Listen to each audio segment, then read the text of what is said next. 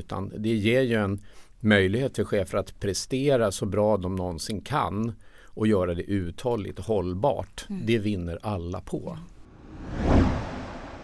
Du lyssnar på Chefspodden och idag ska vi prata om chefers förutsättningar.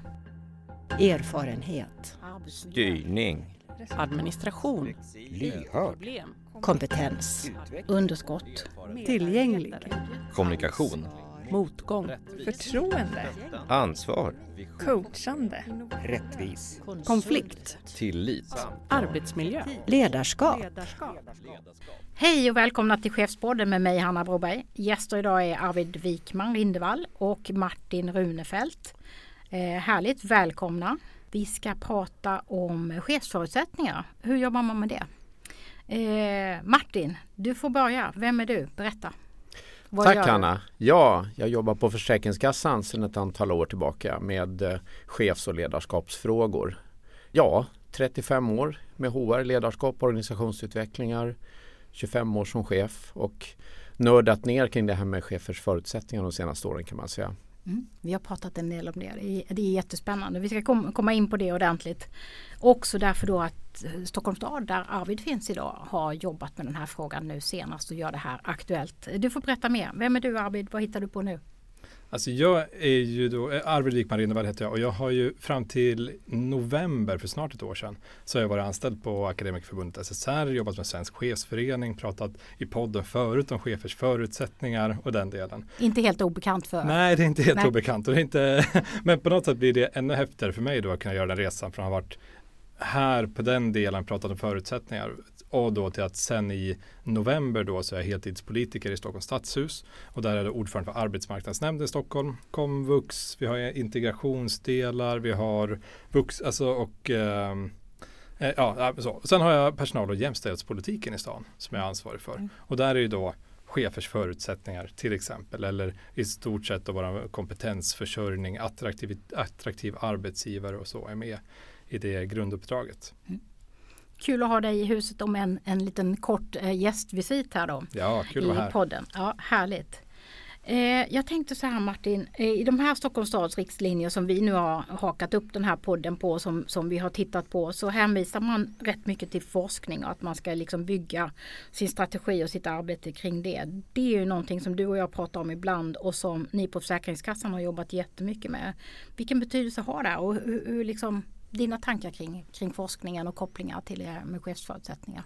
Ja, det är ju spännande att det här med forskning och studier kring just chefers förutsättningar så är ju inte det något väldigt gammalt område utan när vi började för en drygt fem år sedan med de första kartläggningarna av våra första linjens chefer så fanns det inte mycket så att, säga, att, att läsa om. Men parallellt med det så startades det ju en del eh, forskning. Chefios, chefoskopet som kom sen till exempel i det. Med Annika Härenstam och de andra. Ja exakt. Eh, sedan dess har det hänt rätt mycket tycker jag. Det finns många studier som har med olika typer av organisatoriska förutsättningar för chefer att göra som har tillkommit och allt fler verksamheter jobbar med det. Vi har ju hållit på med ett antal olika kartläggningar, studier, uppföljningar och en del utvecklingsinsatser också sedan dess. Och, och hos er i, i Stockholms stad, för det är just eh, det Chefios-projektet som ni nämner, men ni nämner också forskning, annan forskning. Då gissar jag också att man tittar ju på annan ledarskapsforskning, hjärnforskning och så vidare som, som också stöder de här tankarna om att, att ha en annan typ av förutsättningar för ledarskapet. Hur, hur tänker ni om det här Arvid? Ja men alltså det, för mig som politiker i, i det sammanhanget så är det ganska tydligt. Forskningen är ju tydlig på att chefernas förutsättningar är avgörande. Sen har vi nyss haft pandemin, vi har haft nedstängningar, men en del av Coronakommissionens slutrapport var ju också att förutsättningarna för cheferna i det fallet framförallt i äldreomsorgen är också avgörande för vår förmåga att ha motståndskraft och kunna möta kriser i samhället. Så när vi utformar politiken idag nu så är det ett måste att vi måste ha med oss den forskningen, de studierna, det liksom vi har lärt oss sedan tidigare. Så det skulle jag säga ligger till grund för det. Mm, mm. Och vi vet att uppdragen blir allt mer, du säger äldreomsorgens chefer är ju otroligt tydligt eh, men nästan alla chefsuppdrag blir allt mer komplexa och det krävs allt mer. Vi, vi pratade mm. lite innan här om också hur, hur tufft det är för alla verksamheter att hitta rätt kompetens och rekrytera och vara attraktiv. Så att eh, nog är det viktigt att man jobbar med ledarskapet. Mm, verkligen. Och, och, då kan vi väl säga eh, när vi pratar om chefoskopet eh, och det stora chefsprojektet som pågick då för några år sedan att det har ju också mynnat ut i Sunt arbetslivs stödmaterial eh, eh just chefoskopet då och att vi från Akademikerförbundet SSR också jobbar med den frågan tillsammans med SKR och faktiskt då vårt eh, systerförbund eller vad man ska säga, Vision kring den frågan. Så just på äldreomsorgen. Så det är jätteviktiga frågor. Jag tänkte att eh, jag skulle nämna också att vi har gjort en del chefsundersökningar och du och jag jobbade ju med det Arvid. Eh, där vi liksom har tittat på chefers hälsa, eh, hur man kan ta arbetsmiljöansvar, personalomsättning och många andra sådana här faktorer eh, som ju handlar om chefernas förutsättningar. Är det någonting som ni, jag tror att du och jag eh, Martin har pratat en del om det också, att vi har sett liksom i olika sammanhang, precis som i våra undersökningar, att, eh, att eh, hög, högt antal medarbetare också till exempel kan kopplas till lite högre sjuktal och lite andra sådana saker. Ja men det stämmer. Eh, det finns ju en del forskning bland annat från Nyckeltalsinstitutet om sambandet mellan antal medarbetare per chef och eh, sjukfrånvaron till exempel. Sen är det den inte någon exakt vetenskap där man kan ange exakta antal vad som är optimalt utan det är ganska många olika faktorer som spelar in för att kunna hitta den nivå som passar just den egna verksamheten. Mm. Mm. Jag vet att det är fler eh, kommuner, eh, jag tror att du har bättre koll på det Arvid sen vi jobbade ihop med detta, men att det finns fler kommuner som nu har tittat på det. Jag vet att Västra Götaland också börjar prata om eh, att, att sätta liksom ett, ett, ett minskat kontrollspann. Berätta hur ser ni på, på, på den här frågan om antal medarbetare i Stockholm nu när er strategi tas fram? Ja, men så, I Stockholms stad så har vi omkring 46 000 anställda. Vi har nästan 2 500 chefer. Med det är vi en av de absolut största arbetsgivarna i Sverige. Och så här, vi har, för mig är det självklart att vi måste vara en förebild. Vi måste gå före och ha bra villkor som gör det bra för personalen, det blir mer effektivt och då har vi också bättre nyttjade skattepengar, liksom hela den delen. Men sen är det också det du är inne på, är så här, kompetensförsörjningen i framtiden. Vi vet att alla som kommer in på svenska arbetsmarknaden de kommande sex åren är intecknade till 200 procent mm. redan när de kommer in. Det finns liksom, jag tror att det är äldreomsorgen ensamt som hade behövt anställa en tredjedel av alla som går ut skolan och som kommer in. Och så ser det inte ut idag. Alltså så här, och en viktig del i svaret på vad man ska göra åt det för att kunna klara välfärden överhuvudtaget det är ju att vara en attraktivare arbetsgivare. Och i det är ju förutsättningar för medarbetare och chef de hänger helt ihop men det är också avgörande att vi jobbar med dem. Mm. Så att jag skulle säga för oss ligger det väl det i och sen var de väl, jag för mig att när jag räknade så var det väl var de 20 kommuner kanske som hade tagit riktlinjer för hur många medarbetare de skulle vara, mm. ha. Och de flesta av dem vill jag minnas var lite blygsammare än det vi nu tänker göra i Stockholm. Mm. Så det får man väl hoppas att det kan vara en så här kul tävling och se vilka som kan skapa bäst förutsättningar. Mm. För om man liksom ser borta för skämtet om en tävling så är det ju annars precis det som händer på arbetsmarknaden när vi har för få, eh, för få huvuden som kan hjälpa till. Då behöver vi bli mer attraktiva och vi behöver också liksom sporra varandra och använda goda exempel. Mm. Och kompetensförsörjningen är väl en ganska tuff tävling helt enkelt? Ja, ja, ver ver verkligen så. Ja. Och alltså så här, man kan prata en del om det, vad man kan göra. Man kan väl konstatera politiskt idag så är det ju inte som att vi ser att en ökad arbetskraftsinvandring eller andra invandringspolitiska liksom, åtgärder kommer att göras för att det ska bli fler. Och då kan man bara konstatera att det är för få huvuden. Och då blir frågan hur kan vi arbeta bättre med de som finns mm. i Sverige idag, i arbetskraften idag, men även de som står utanför. Det måste vara lösningen för oss. Du ska få chans att berätta lite mer om det här kontrollspannet och så alldeles strax Arvid. Ja, Martin vill flika in. Ja, det var bara en kort kommentar som Arvid har varit inne på som är viktig och det är varför man jobbar med förutsättningar och du har ju gett svaret tycker jag till stor del Arvid om att det handlar om att ta vara på de resurser man har på ett effektivt sätt och då att chefer har så att säga, förutsättningar för att lyckas i sitt uppdrag det är ju helt avgörande. Det är, men det är ju liksom inget självändamål att hålla på med kartläggningar och satsningar och öka stöd och så vidare utan det ger ju en möjlighet för chefer att prestera så bra de någonsin kan och göra det uthålligt hållbart. Mm. Det vinner alla på. Mm. Precis, hållbart ledarskap pratar man ju om i Chefsprojektet och det, det är ju precis hållbart också för medarbetare på det sättet. Men Arvid, ska du säga lite grann om vad strategin, hur många medarbetare landar ni på? Så här då, jag vill säga först, för jag ska svara på hur många vi landar på. Eh, men så har vi, vi, vi tar ett ärende nu då som har varit ute på remiss i hela stan. Eh, vi har precis avslutat det och vi är på väg upp med det för beslut och har den, liksom, eh, den nästa steg att göra verklighet av det. Och i den ligger det två delar egentligen. Dels så gäller det vi pratar om ja, men med hur många medarbetare kan vi ha per chef. Och det ska jag säga vad vi landar i då. Men vi har också i den sagt att vi ska i hela staden, alla verksamheter ska se över och gå igenom sin struktur med liksom organisationen för att se hur förutsättningarna är för cheferna. Och i det har vi sagt att vi måste se till att alla som är chef i Stockholms stad ska ha också hela, liksom hela ansvaret med både budget, verksamhet och personal. För hela har man mandatet. Inte det, hela mandatet. Mm. Och vi tror har man inte det så, kan man, så får vi en svagare organisation. Jag tycker också att gentemot den, gentemot den enskilde medarbetaren så får den en chef som inte kan ta ansvar för att fullt ut ge liksom lön för det arbete man gör eller fatta de andra besluten som behövs. Så jag tror att det ger oss modigare chefer, starkare organisation och kanske inte framför allt, men också en organisation som är bättre för alla medarbetare som är i den. Mm. Så om man pratar om det då, så har vi då funderat på vad ska vi landa i för hur många medarbetare, vad ska vi göra? Och man kan ju konstatera precis som, som vi vet när vi har gjort, eller som Svensk chefs, chefsförening vet när man har gjort undersökningar, att det varierar jättemycket. Det är framförallt välfärdens kvinnodominerade sektorer som har jättestora medarbetargrupper, så är det i Stockholm också. Eh, och sen så har vi de manligt dominerade tekniska områdena som har mycket mindre grupper. Och det har vi att ta hänsyn med. Och jag var lite orolig för att vi skulle få liksom en övre siffra som bara blev tak. Och då tycker jag att risken var att vi då skulle missa att alla har ett uppdrag att gå igenom sin organisation, titta så att den är effektiv, titta så att vi har rätt nog många chefsled och så vidare. Så istället för att säga en, ett tak som en siffra och säga att alla där under klarar sig på något vis så har vi satt ett spann istället. Så vi har sagt att mellan 10 och 30 medarbetare är det som ska gälla i Stockholms stad. Jag tycker att det finns en bra poäng med att ha en nedre gräns också. För som jag säger så tänker vi att chefsuppdraget ändå ska vara chefsuppdrag på heltid eh, med fullt ansvar för ja, hela delen. Så. Och då tror jag att man i regel behöver ha fler än tre medarbetare också. Så jag tänker att vi har de verksamheterna som faktiskt kanske behöver ha lite större grupper, göra om så att de har större chefsuppdrag än vad de har idag.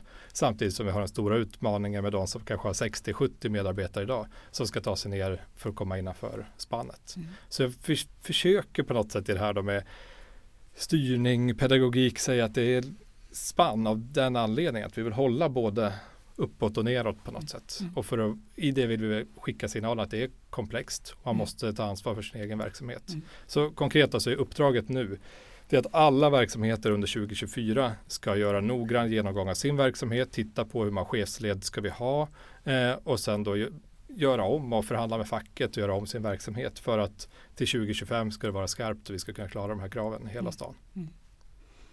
Martin, du, du får eh, recensera lite här eller tänka kring, kring liksom det här med spannet och, och koppla det gärna till hur ni har tänkt på Försäkringskassan för ni har jobbat jättemycket, inte minst med cheferna längst ut, enhetscheferna i verksamheten. Ja, jag går till början när vi gjorde vår första kartläggning av våra 600 har vi då första linjens chefer som kallas enhetschefer hos oss.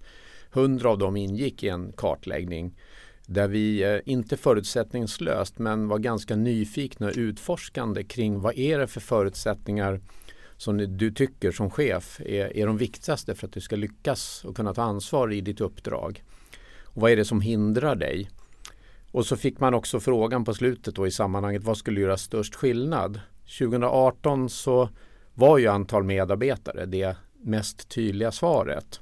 Det var inte det enda svaret utan vi har ju ett antal olika förutsättningar som ingår i de årliga uppföljningar vi har.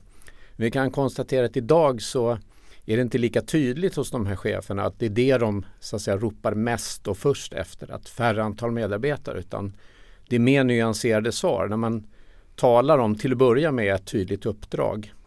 För att veta vad man ska ha för förutsättningar så måste man ju veta vad som förväntas av en. Vad är mitt uppdrag? Och känna att man har en, så att säga, en bra överenskommelse med sin chef runt det och en bra dialog runt det. Det är först då man vet egentligen vad det är för förutsättningar som krävs.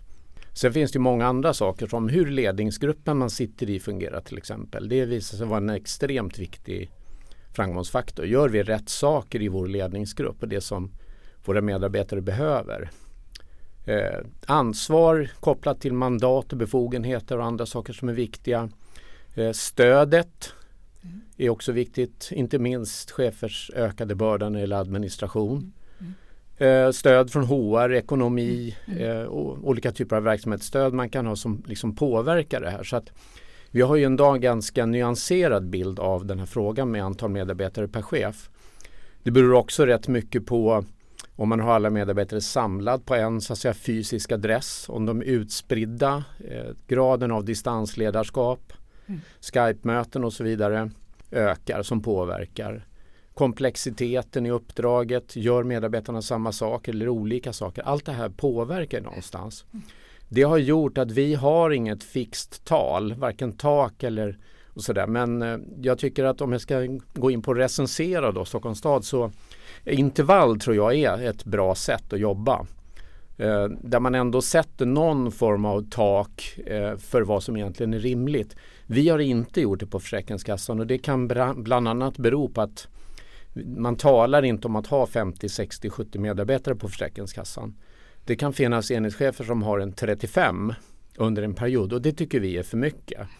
Men då följer vi statistiskt också hur, eh, hur många, hur stor andel av verksamheten av de olika avdelningarna har Eh, medarbetargrupper som är större än 25.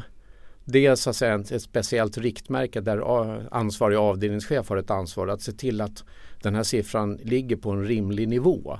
Och efter de första uppföljningarna vi gjorde så var det en del, några avdelningschefer som sköt till mer pengar för att minska det så att man får färre. Det kan ju vara så att en enhetschef under en begränsad period till exempel blir ansvarig för två enheter och det kan vara helt okej. Okay. Men det får inte pågå under för lång tid. Eh, sist då kan man säga att sen så att säga, ledarskap, chefskap kopplar ju också till medarbetarskapet. Så att en fråga som också påverkar ganska mycket det är vilken grad av ska man säga, självledarskap som det moderna uttrycket ofta används som som man har i organisationen och i vilken utsträckning man till exempel jobbar teamorienterat påverkar ju rätt mycket också. Mm. Mm. Vi har på Försäkringskassan på många avdelningar under ganska många år nu jobbat i team och då kan man säga rätt med rätt ledarskap och rätt så att säga, ansvarsfördelning och förutsättningar hos medarbetare då kan man ha några fler medarbetare. Mm. Mm. Så, att, så kan man säga. Vi ska komma tillbaka till eh, flera av de eh, tankarna. Jag tänker bara så här Eh, de andra sakerna, du var inne på det Martin, det här med specialistresurser som HR till exempel eller för den delen det administrativa stödet är ju också oerhört viktigt för att få ett liksom hållbart eh, ledarskap. Hur, hur tänker ni där Arvid kring, kring de sakerna i stan? Jag tycker du hoppade över hela delen när vi skulle konstatera att Martin sa att det var jättebra av oss att Ja, ja, ja, ja. göra ett spann.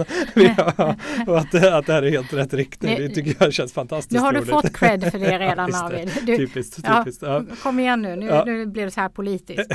Eh, nu har du fått cred, nu, nu ska vi bara vrida om det här lite till. Eh, så bra. specialistresurser till exempel, som, som vi vet att i våra enkäter så efterfrågar man ju det. Man är rätt Mm. nöjd med HR numera, men det administrativa stödet ser fortfarande ganska tufft ut. Ja. Ja, men så är det. Det är också förstås pågående processer och vi har ju så Mm. bredda verksamheter där det behövs olika sådana lösningar. Och det kan jag säga apropå man, hur man ska liksom styra så från det politiska. I vårt fall är det ju så att vi liksom på övergripande kommunnivå så har vi så massor av förvaltningar och där man har egna HR-avdelningar, eget chefsstöd och så har vi liksom en ce- central del som jobbar med en del specialist, specialistkunskap och så. Men så det är ju egentligen flera egna verksamheter som har uppdraget att lösa de här problemen också. Men, det, men med det sagt så kommer vi förstås göra det och peka ut ett par områden där vi behöver det. Men jag tror att i det här första så behöver man se att för jag sa att vi hade nästan, vi hade 2300 chefer i stan och nästan hälften av de cheferna är biträdande chefer idag.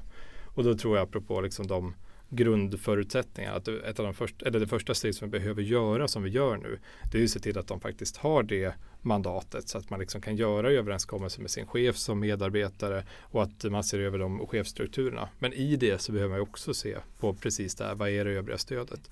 Så det uppdrag vi nu lägger, det är ju egentligen, det är inte bara att säga titta på det här spannet, gör de här chefstrukturen, se till att alla har fullt mandat, utan det är att ett, ett riktigt uppdrag till alla verksamhetschefer i hela stan att gå igenom hela sina verksamheter, titta tillsammans, fundera, titta på forskningen. Vi ut Chefios särskilt och liksom se vad, vad, och vad och hur behöver det här se ut. Mm. Så det, jag tänker att det blir nästa steg någonstans i den här dialogen. Så politiskt styrt, initiera, sätta en första ram och nu är det upp till verksamheten att vara med och göra den här delen och säga vilka mer delar och hur utför vi det. Det här påminner ju om de processer som kan bli i samband med just chefoskopet. Att, att politiken måste ju så att säga ge sin signal om att, att man ger ett stöd för, för att jobba med de här frågorna. Jag, jag tänker på det som du var inne lite kort på Arvid, det här med manligt dominerade och kvinnligt dominerade verksamheter där bland annat forskaren Klara Regn nu har pekat på de sakerna. Eh, vad tror du det blir för reaktioner? För de största förändringarna måste nog bli på inte minst vård och omsorgssidan inom, inom kommunen där, där vi vet att, att eh, spannet är så otroligt stort jämfört med de manligt dominerade verksamheterna. Mm. Vad tänker du om det? Nej, jag tänker att vi så här, dels känner jag ju lite grann äntligen. För att det är ju så att med det här så kommer vi också göra en översyn. Vi behöver ju se hur, men så här, vilka förutsättningar har verksamheterna. Och i det blir det ju smärtsamt tydligt att det är de kvinnodominerade välfärdsområdena som har de sämsta förutsättningarna och där vi måste göra om så att de får det bättre. Sen är det svåra att det finns så många frågor. Men vi jobbar med heltidsfrågan, vi jobbar med tillsvidareanställningar, vi jobbar med den här chefsstrukturen, vi jobbar liksom med arbetsskofrågan och så här. Samtidigt där egentligen samtliga av dem rör sig kring de välfärds, alltså kvinnodominerade välfärdsområdena. Så att det är klart att de har ju en stor utmaning framför sig att lösa ganska många frågor nu samtidigt. Å andra sidan tror jag att det är precis det man behöver göra. Vi behöver liksom bryta en del av den normbildning som har dominerat på de här områdena tidigare. Och då behöver vi gå fram och våga ta tag i de grundstrukturerna. Så att jag tror att är man chef idag och tycker, om att det, tycker att det är kul att få med och verksamhetsutveckla, hitta nya lösningar, då kommer det här vara ett sådant område som man, man ska vara med på och göra den här resan. Vi håller verkligen tummarna. Jag håller, på, jag håller med om äntligen. Eh, jag tänkte att vi skulle komma in lite grann kring själva chefsuppdraget. Eh, då det man ska få eh, nu när vi har klarat av lite grann den här ramen och, och, eh, och spannet och så vidare. Eh, för i den, den eh, eh, strategi som Stockholm har lagt fram nu så pratar man om liksom ett närvarande. Jag skulle, kanske skulle säga att liksom tillgänglig chef. Du var inne på de här sakerna Arvid som ni har jobbat med på Försäkringskassan också. Eh, man, ni pratar om helhetssyn i Stockholm. Eh, också den här tydligheten om uppdraget, alltså mål och resultatorientering. Vad, vad, innebär de här sakerna för, i praktiken för, för chefen? Hur ska man jobba med sin arbetsgrupp? Och, eh, hur ser dialogen ut också om, om, om uppdraget? Eh, alltså du tänker vad som är vårt nästa steg i stan? Mm. I det här. Ja, Ja, men ja, men alltså det- för att konkretisera, vad innebär det i praktiken det här med närvarande chef och, och eh, liksom det här med att man ska ha helhetssyn? För jag tänker att det, det, det kommer kräva ganska mycket av lite en annan styrning också, en bättre dialog kanske i de olika eh, chefsleden och upp till er i, i politiken. Och det är lite av detta som ni har jobbat med också Martin på Försäkringskassan. Mm. Alltså jag tror att till börjar med så ska man se det som ett startskott för det, det arbetet och den resan. För vi vet att vi inte är färdig. Vi vet också, apropå bara den förra frågan, en av våra stora, vi har ju en enorm utmaning framför oss med välfärden och dess finansiering just nu. Där den utmaningen ligger parallellt. Och det tycker jag också som, som på något sätt där vi, där vi styr är att hålla hålla den bredvid så att vi vet att det är utmaningen samtidigt som vi måste ta oss igenom den här resan. Men det gör ju liksom ansvaret ännu tydligare tycker jag att följa upp, se att det fanns resurser, möjligheter att göra de här förändringarna som behövdes. För det är ju så, det, vi har ju det här som vi sa, chef har varit känt, stan har jobbat med det sedan tidigare. Samtidigt så ökar bara antalet chefer som inte har mandat. Vi hade ökat det med 157 procent liksom, under den senaste perioden. Så, att, så att, trots att vi har haft en del sådana styrningar så har det inte blivit någon mer verklighet. Men just det konkreta i det där görandet, det tänker jag att det är den eh, bra, viktiga, spännande resan som nu, det uppdraget är förstås i grunden till förvaltningschef och samla sina chefer, gå igenom, använda sig av det här, använda sig av kompetensen. Så eh, min förväntan är ju att det ska bli en högre närvaro. Den enskilde medarbetaren ska känna det. Vi ska få modigare chefer som vet och kan eh, och har ett mandat så känner att vi vill att de ska ta det utrymmet. Eh, så, att, så och sen i förlängningen så blir det också bättre för den enskilde medborgaren, är ju tanken. Mm. Absolut. Vad, vad kan, kan du säga om ert arbete? Vad har det inneburit mer konkret när ni har eh, gett andra förutsättningar till, till cheferna hos er på Försäkringskassan? Ja, det man ser bland de cheferna som är liksom mer nöjda så eh, handlar det ju väldigt mycket om olika typer av dialoger och öppenhet i samtal. Eh, inte minst i ledningsgrupper. De ledningsgrupper som med stöd av eh, ledningsgruppsutveckling eller på andra sätt eh, fungerar bättre enligt liksom mätningarna vi följer Eh, så, så vittnar ju chefer i de ledningsgrupperna att man har ett mer öppet samtal där man hjälper och stödjer varandra i uppdraget. Där man, när man får olika typer av utmaningar och problem att hantera eller något tilläggsuppdrag som kan komma lite då och då där man behöver hjälpas åt. Eh, tar man vara på hela kompetensen i ledningsgruppen och, och, så att säga, man vågar vara sårbar och be om hjälp och så vidare så eh, bidrar ju det i första hand till ett bättre resultat. Man tar vara på kompetensen för att lösa svåra problem. Men det bidrar också till en känsla av trygghet som chefer behöver, en grundläggande känsla av trygghet. Eh, och det pratar vi mycket om i den liksom allt förändligare omvärlden. Eh, med eh, allt ifrån att det är krig i omvärlden, det är ekonomiska problem, Eh, IT-utveckling, digitalisering, inte minst AI och allt sånt som påverkar så finns det ju liksom en risk att chefer eh, får en känsla av att jag tappar kontrollen och börjar att styra hårdare för att ta kontrollen. Och det är ju då dessvärre inte riktigt rätt väg. Det är ju tvärtom så att det här med tillit, förtroende och engagera all kompetens man har att tillgå blir ju liksom bara viktigare. Psykologisk trygghet, psykologiskt kapital, sådana frågor som liksom kommer in i det hela. Dit det har inte vi kommit riktigt än när det gäller att forma ledarskapet utifrån det här eller vår mer systematiska chefsutveckling som vi kommer att satsa på de kommande åren. Utifrån en ökad tydlighet kring chefsuppdraget som vi också har jobbat med ett par år så hoppas vi att kunna flytta fram positionerna än mer. Men för att svara på frågan, alltså dialoger i ledningsgrupper, dialoger mellan chef så att säga, som jag som chef har med min chef om mitt uppdrag, om mina förutsättningar, att de, det präglas av en ömsesidig nyfikenhet, utforskande förtroende i det här eh, på något sätt. Det är klart en framgångsfaktor det ser vi ju eh, att där man har det bland våra chefer, där är man betydligt mer nöjd och i förlängningen så finns det också forskning, men även om inte vi har sån egen ännu, som visar att det leder ju till bättre verksamhetsresultat. Mm.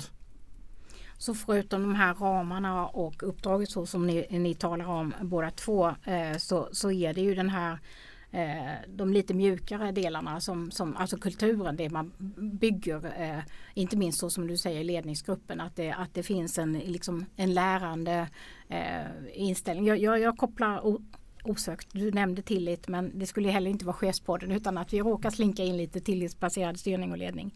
Eh, jag tänker att det är ändå någonting som, som inte riktigt har kommit fram men som kanske kommer att bli en viktig eh, kombination i det här. Att det handlar både om hur ni som politiker och högre chefer hanterar styrningen neråt i organisationen men också den här delen som du är inne på mycket nu då.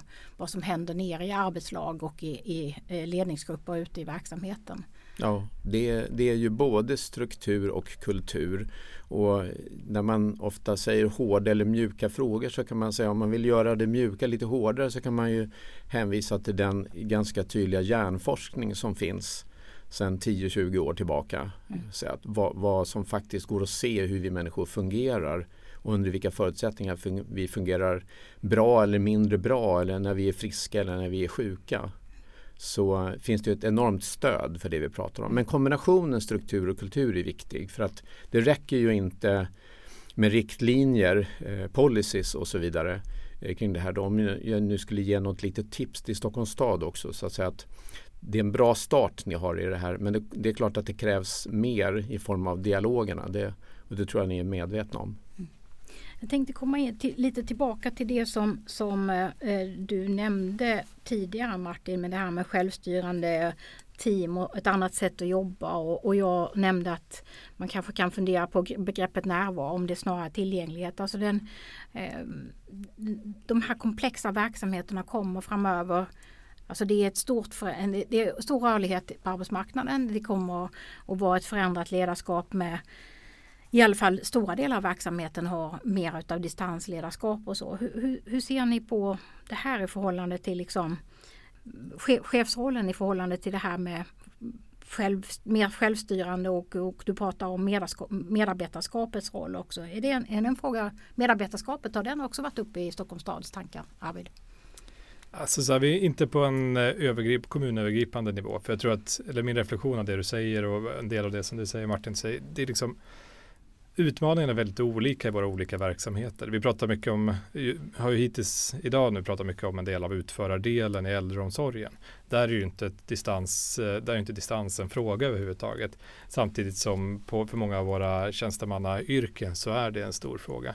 Så det där varierar ju väldigt. Men jag tycker för mig så ligger det inom ramen för för tillitsfrågan. Jag tror inte att vi ska styra det på, på en central kommunnivå utan det kommer man behöva hitta Eh, gemensamt på de olika förvaltningarna och även förvaltningarna tror jag är för stora för att ha en gemensam där allt fungerar precis likadant. Så att, eh, så. Men när det gäller chefernas utmaningar så är det absolut en sån. När det gäller arbetsgivarens attraktivitet så ligger det där liksom väldigt nära när det handlar om vilka förväntningar medarbetarna vill ha och få ihop sina eh, sina, sin liv och vardag med sin karriär och jobb. Så att ja, nej, det där är en stora fråga framåt. Får jag haka på dig då eh, Martin när du nämnde medarbetarskapet. Hur har era diskussioner gått kring det då?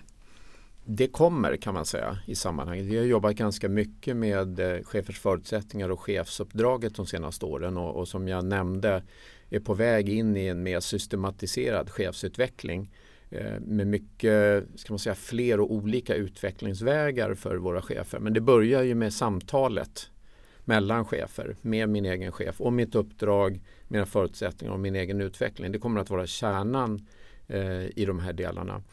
Eh, men sen kommer vi till medarbetarskapet. Det ligger i plan framåt att jobba med det. För att ömsesidigheten mellan chef och medarbetare oavsett vilken nivå det handlar om och ömsesidigheten i ansvaret och så vidare är ju en framgångsfaktor det, det, här går aldrig att lösa bara med de utmaningar man har kommer aldrig gå att lösa med bara att chefer får tydligare uppdrag, bättre förutsättningar och tydligare krav och så vidare. Utan alla, alla medarbetarnivåer och chefsnivåer måste liksom in ömsesidigheten mellan nivåerna också, dialogerna mellan nivåerna.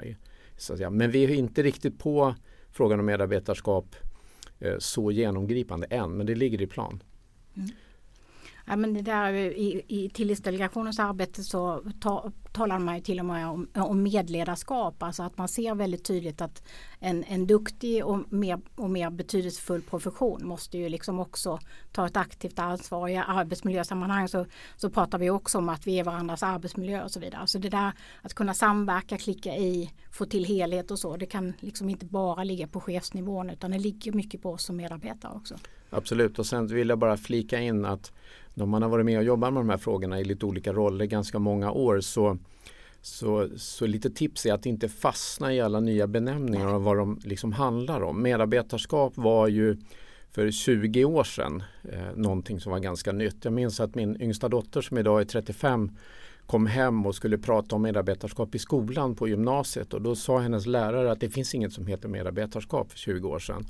Och då så sa jag, du kan tala om för henne att jag kan komma till skolan och hålla en föreläsning om det. Då var det väldigt inne. Ja.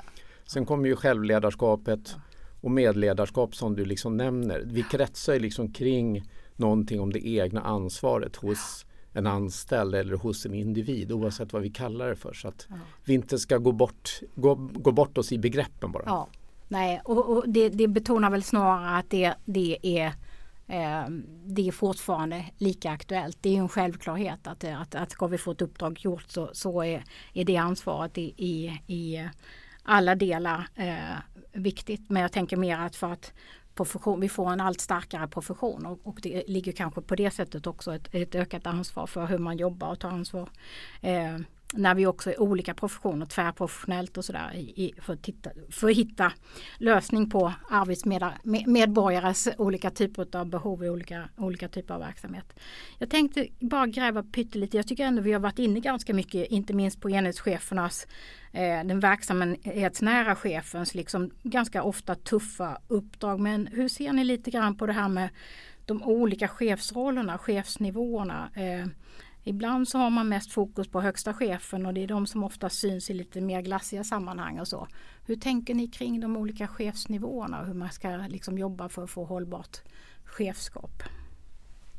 Ja, men jag tror att det du säger är väl en, grund, en viktig grundingång. Så. Alltså, insikten och förståelsen för att den vanliga chefen, det är ju ändå våra enhetschefer. Så.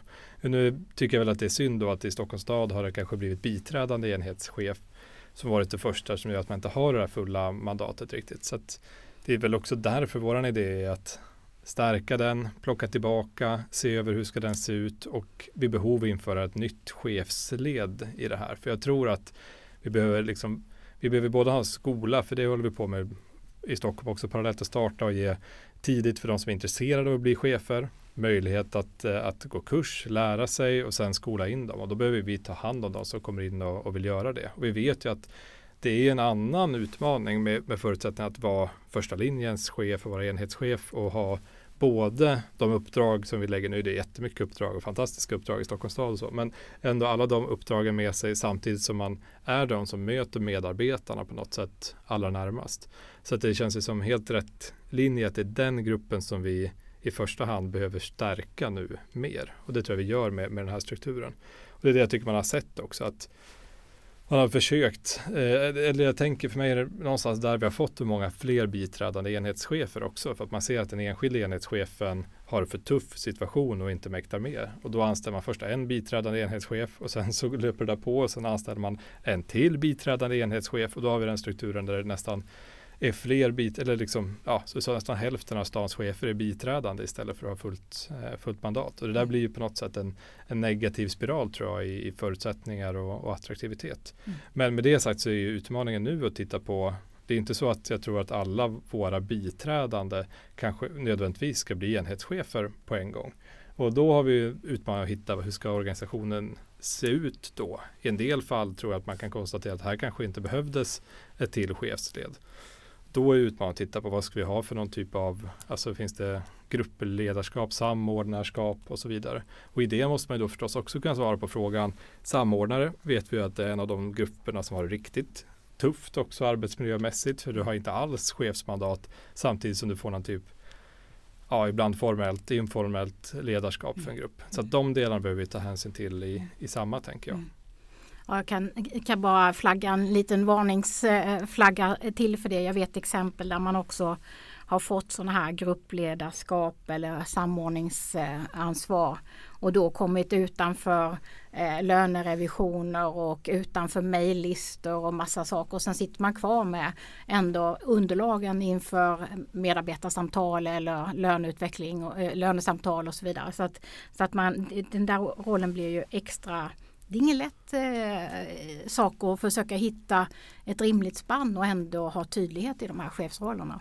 Nej men så är det. Jag tror att ansatsen behöver vara precis den. För vi behöver liksom passa in i våra idékoder och hela det i den kommunala verksamheten. Och de som idag är biträdande hamnar inte rätt i det heller. Så där behöver vi vara tydliga med, är det ett riktigt chefsuppdrag då ska man ha fullt mandat. Mm. Och det tror jag kommer vara den vanligaste slutsatsen. För vi lägger det här parallellt då med att man också ser över antalet medarbetare. Mm.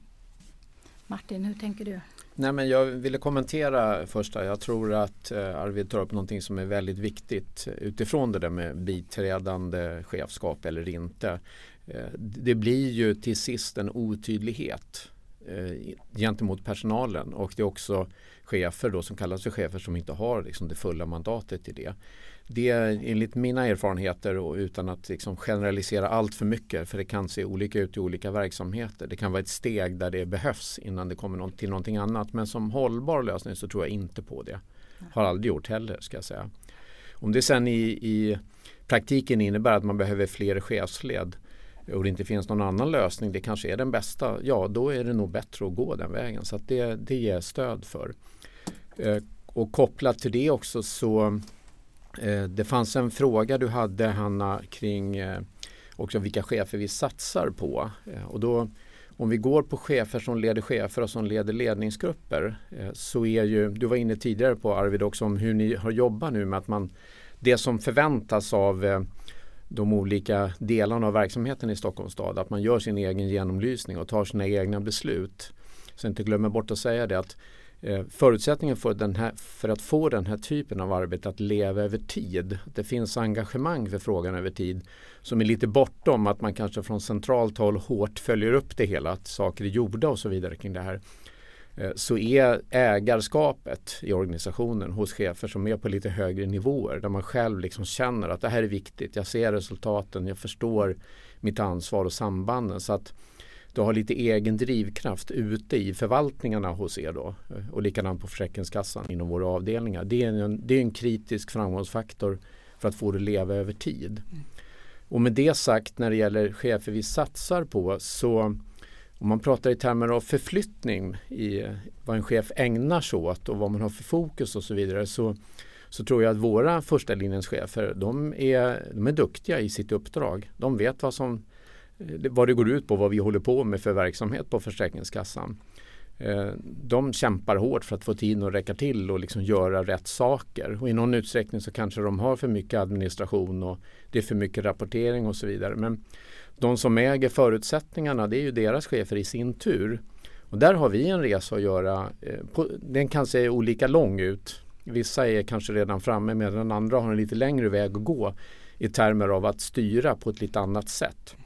Och kanske eh, jobba lite mindre med detaljstyrningen, lite mindre med fingrarna i syltburken om man säger så. Och kanske lite mer ta ansvar för den långsiktiga strategiska utvecklingen mm. som kan hjälpa till att se till att vi undanröjer problem som vi har jobbat med en längre tid eller som kommer upp på alla veckomöten under årets 52 veckor. Se till att vi jobbar oss bort från det. Så att, att lyfta sig som chef på högre nivåer och ha förmågan att jobba med komplexitet i, i längre strategiska frågor där man behöver ta vara på eh, all kompetens som finns till exempel i en ledningsgrupp. Där har vi en viktig resa att göra som jag är glad över att den är identifierad och den är också sanktionerad ifrån vår högsta, alltså vår generaldirektör. Att vi kallar det att vi jobbar med kompression och gap och få det så att, säga, att fungera mellan chefsnivåerna.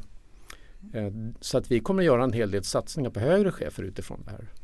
Vi får podda om det om, om ett par år igen och se vad dina enhetschefer har märkt utav eh, hur mycket undanröjs och eh, tas tag i och om styrsignalerna börjar bli liksom lite mer samlade och lite mer dialog och så vidare. Gärna det. Ja, Härligt. Jag tänkte att vi skulle kanske avrunda eh, vårt samtal lite grann kring det här med eh, jag, jag, tänker att eh, för kompetens för chefsförsörjningen framöver så finns det ju mycket man kan göra förutom de här strukturerna och det här eh, att bygga, jobba med kultur och så. Jag tänker mentorprogram, eh, chefsnätverk och om ni har några andra kloka tankar kring hur man kan stötta eh, chefer på det här sättet och skapa en, en både hållbar och mer attraktiv chefsroll i offentlig sektor. Ja, helt kort om man blir väldigt konkret liksom i, så att säga, som kontrast till att prata om de här strategiska frågorna och ha system och systematik i den här typen av arbeten så visar ju alla, alla erfarenheter att nätverk för chefer som eh, det kanske gäller alla chefer men hos oss så märker vi tydligt att chefer som har varit chefer en längre tid och gått ganska många olika typer av utvecklingsinsatser. Det de kanske mest efterfrågar eller uppskattar mest det är samtal med andra chefer om de dagliga utmaningarna. Och det finns ju olika typer av så att säga, strukturer eller ordnade former för att jobba med den typen av nätverk, dialoggrupper eller med handledning. Eh, och är man en jätteorganisation så, som ni är Stockholms stad men även stor på Försäkringskassan med över 14 000 anställda då kan man göra en del av det här internt. Men det går även med fördel att göra externt, den typen av grupper. Så det, det skulle jag säga, det är något konkret som man kan jobba med. Det blir en, eh, en liten eh, koppling till Svensk chefsförening som ska titta på det där tillsammans också. Så det, det hoppas vi kunna återkomma om. Mm. Mm. Nej, och jag tänker alltså, jag tror, att det, jag tror att det spår vi är inne på som handlar om tillitsbaserad styrning. Jag tror att det är jätteviktigt för möjligheten att liksom själv få utvecklas, göra tycka att det är roligare i sitt uppdrag att vara chef också. Jag tror också att det blir bättre, och starkare verksamheter av det. Jag tror att det blir bättre i hela hela vägen av det. Så det känns som en, liksom, det är ett sätt också att skapa utrymme ihop med det här andra. Men annars jag tänker på det som när, man, när SKR frågar sina medlemmar vad är den stora utmaningen framåt och vad är det vi behöver hjälpa till med? Då är det kompetensförsörjningsfrågan. Och idag är den som vi var inne på lite tidigare, den är så tätt förknippad med en aktiv personalpolitik. Om man tittar på de här, man sa då att nu SKR senaste siffror som kom i maj i år så att vi saknar 111 000 huvuden i välfärden om sex år för att kunna upprätthålla samma nivå som idag. Alltså ingen utökning, inget utan samma nivå som idag. Och, vi, och det är givet att lika många väljer offentlig sektor som idag. Den utmaningen får vi se hur, hur det går, det kommer till tävlingen. Men gör man det och kan se att vi saknar 111 000 och så tittar man på hur gör vi då med de befintliga, de som finns redan hos oss. Jag vet att när man räknar på det så att om vi kunde förmå de som jobbade då eh, i den framförallt kvinnodominerade välfärden här att jobba två år till innan de tar pension och orka göra det. Och då var snittåldern tror jag 63 idag. Så då pratar vi inte 69 eller över 70 som är den övriga utan bara se till att man faktiskt med och orkar till 63. Då skulle vi sakna nästan 18 000 i den storleksordningen färre huvuden om sex år. Om vi såg till att de som jobbar deltid hade bättre villkor och istället jobbade, kommer inte ihåg hur många timmar till, men ett par timmar till, inte ens hela vägen upp till heltid, så skulle vi sakna någonstans också ytterligare ja, men 14 000 till av det här underskottet. Och vi såg till att ha ett jämställt föräldraledighetsuttag i den, liksom i den offentliga välfärden som är kvinnodominerad så skulle vi sakna ytterligare nästan 10 000 fler. Alltså vi kan nästan halvera underskottet med de första liksom, delarna med en aktiv personalpolitik. Och som dessutom samtliga insatser är att bli en attraktivare arbetsgivare. Så det tillsammans med att vi då inte ens har pratat om att få ner sjukskrivningar, vilket vi vet att chef, det närvarande chefskapet är helt avgörande för. Det tillsammans med att vi inte ens har pratat om att få in de mängder av människor som det faktiskt handlar om som vill jobba men som idag har någon typ av funktionsnedsättning och står utanför arbetsmarknaden. Det finns enorma möjligheter som vi faktiskt måste på ett annat sätt adressera och hjälpa till med. Så jag tror också att kan vi och då från mitt perspektiv i politiken vara med och rama in det, ge förutsättningar för att möta de utmaningarna också, så tror jag att det kommer att eh, vara viktigt och roligt för ledarskapet. Mm. Härligt. Jag tänkte som en sista sak, jag tror du och jag Arvid får komma tillbaka till det här med liksom vad politiken behöver för att kunna göra ett samma, bra samarbete med de här cheferna i offentlig sektor. Men, men vad tror ni, inte minst Martin, den här chefsrollen då som man ska en attraktiv chefsroll, man ska klara den här kompetensförsörjningen som, som Arvid är inne på. Hur ser liksom offentlig sektors chefsroll ut om, om tio år, om ni får gissa? För att avsluta med någon liten enkel fråga. Något sådär. positivt ja. Ja precis. Ja, ja. Eh, det, är ju, det är många olika drivkrafter så att säga som kan vara lite motstridiga i att ökade krav och svårigheter med finansiering, kompetensförsörjning eh, och så vidare. Men den klokskap som finns och det man kan uppleva i en organisation när man får dialoger att fungera mellan med, i, inom medarbetargruppen mellan chefer och chefsnivåer. De här samtalen om vad, vad vi är här för att göra och hur vi gör det tillsammans. Eh, med den öppenhet som eh, eftersträvas och så vidare. Det kommer åtminstone att göra att eh, cheferna kommer att tycka att det är roligare att jobba. Medarbetarna kommer att liksom känna och upptäcka att eh, jag har förtroende, jag får mandat, man tror på mig och så vidare. Jag vill vara med och liksom bidra i den här verksamheten. Så att, som ett sätt att skapa ett engagemang så kommer vi ju lyckas bättre med alla verksamheter som har stora utmaningar och chefer kommer det definitivt att trivas. Dessutom är det ju så att eh, unga chefer som man under en period sa inte ville bli chefer längre. Sen visade ju studier att det var inte riktigt sant. De ville kanske inte bli chefer med de uppdrag och de förutsättningar som har varit tidigare. Men eh, är det ett större inslag av den här typen av dialog som förväntas av en i det egna ledarskapet då kommer vi få fler unga chefer som vill vara chefer och kan få livspusslet att gå ihop. Arvid, hur tänker du om chefer om tio år? Nej, jag tror att det är mycket, mycket det vi har sagt egentligen. Jag tycker väl att vi har haft en ganska positiv ansats här. Även om det är ja, det tycker jag. Stora, det var meningen. ja, även om det är stora, stora utmaningar att möta. Men jag tror väl också att det är just det som måste kunna vara lite av nerven i att vara chefs, chef också. Kunna få vara med och mer och mer möta de utmaningarna och känna att man är efterfrågad att göra det. Och det vill jag verkligen se till att vi, vi låter våra chefer vara. Mm. Mycket handlar om att organisera det på ett klokt sätt och, och, och liksom undanröja hinder och se till att skapa en god kultur. Jag tror att det är ändå så att många av de offentliga chefsuppdragen, det är få andra saker som man kan känna så meningsfulla som, som i de här verksamheterna. Så tusen tack till dig Arvid och till Martin för eh, ert bidrag kring de här sakerna som handlar om chefens förutsättningar. Stort tack. Tack. Jag tänkte också passa på att puffa en kortis bara. Eh, att vi har ett mentorprogram årligen och eh, det finns alltid plats för mentorer i vårt program. Vi har många adepter som söker eh, och eh, vi eh, skulle tycka att det var jättekul om du som känner att du har tid och möjlighet Eh, och vill dela din erfarenhet och kunskap med en adept, hör gärna av dig på hanna.broberg.akademssr.se. Och vi sänder Chefspodden igen om ett tag och den finns i olika kanaler där poddar finns. Tack och på återhörande.